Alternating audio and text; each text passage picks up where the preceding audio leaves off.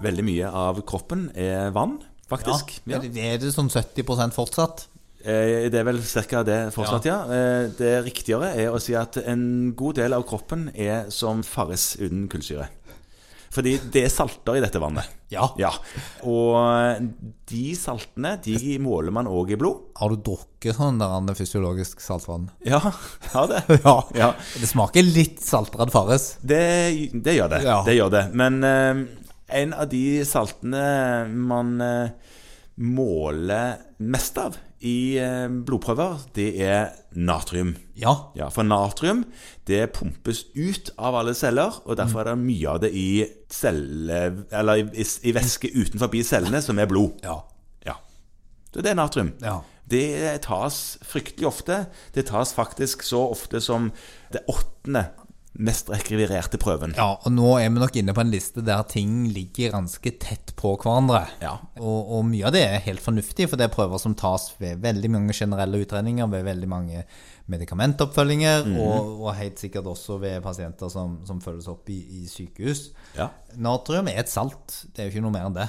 Nei, natrium er Vanlig salt, faktisk. Ja, det er faktisk bordsalt. Det er faktisk bordsalt. Mm. Sammen med klor. i- Ja. Sammen med klorid. Ja. Og der er det sånn at eh, fordi at du trenger en natriumbalanse, så den skal være mellom 137 og 145 millimol per liter.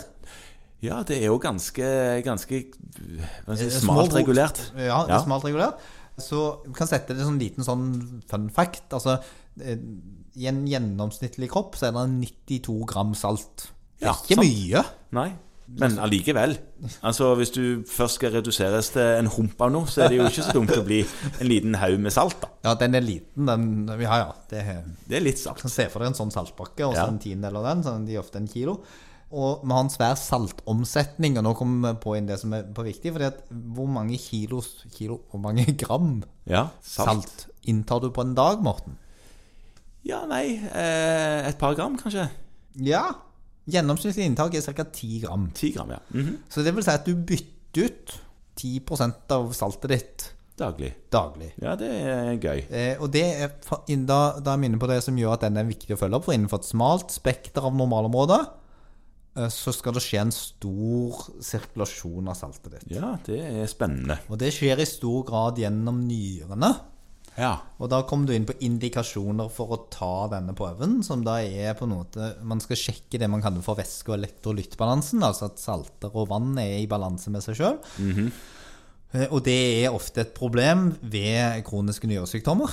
Ja, for det nyrene er jo det, er jo det de gjør. De eh, regulerer stoffsammensetningen i blod. Ja, og så er det veldig viktig å følge med på ved hjert, kronisk hjertesykdom, særlig det som man kaller for hjertesvikt. Fordi Ja. at ved hjertesvikt så er det veldig følsomt for om væskebalansen er i orden. Ja, fordi man, man, man har en tendens til å samle litt på vann ved kroniske eh, hjertesvikttilstander. Ja, og så kan det være nyttig ved, ved store væsketap, altså type dehydreringer, og ved enkelte malabsorpsjoner, altså anoreksi og den typen tilstander, så kan man også se forstyrrelser i, i elektrolyttene.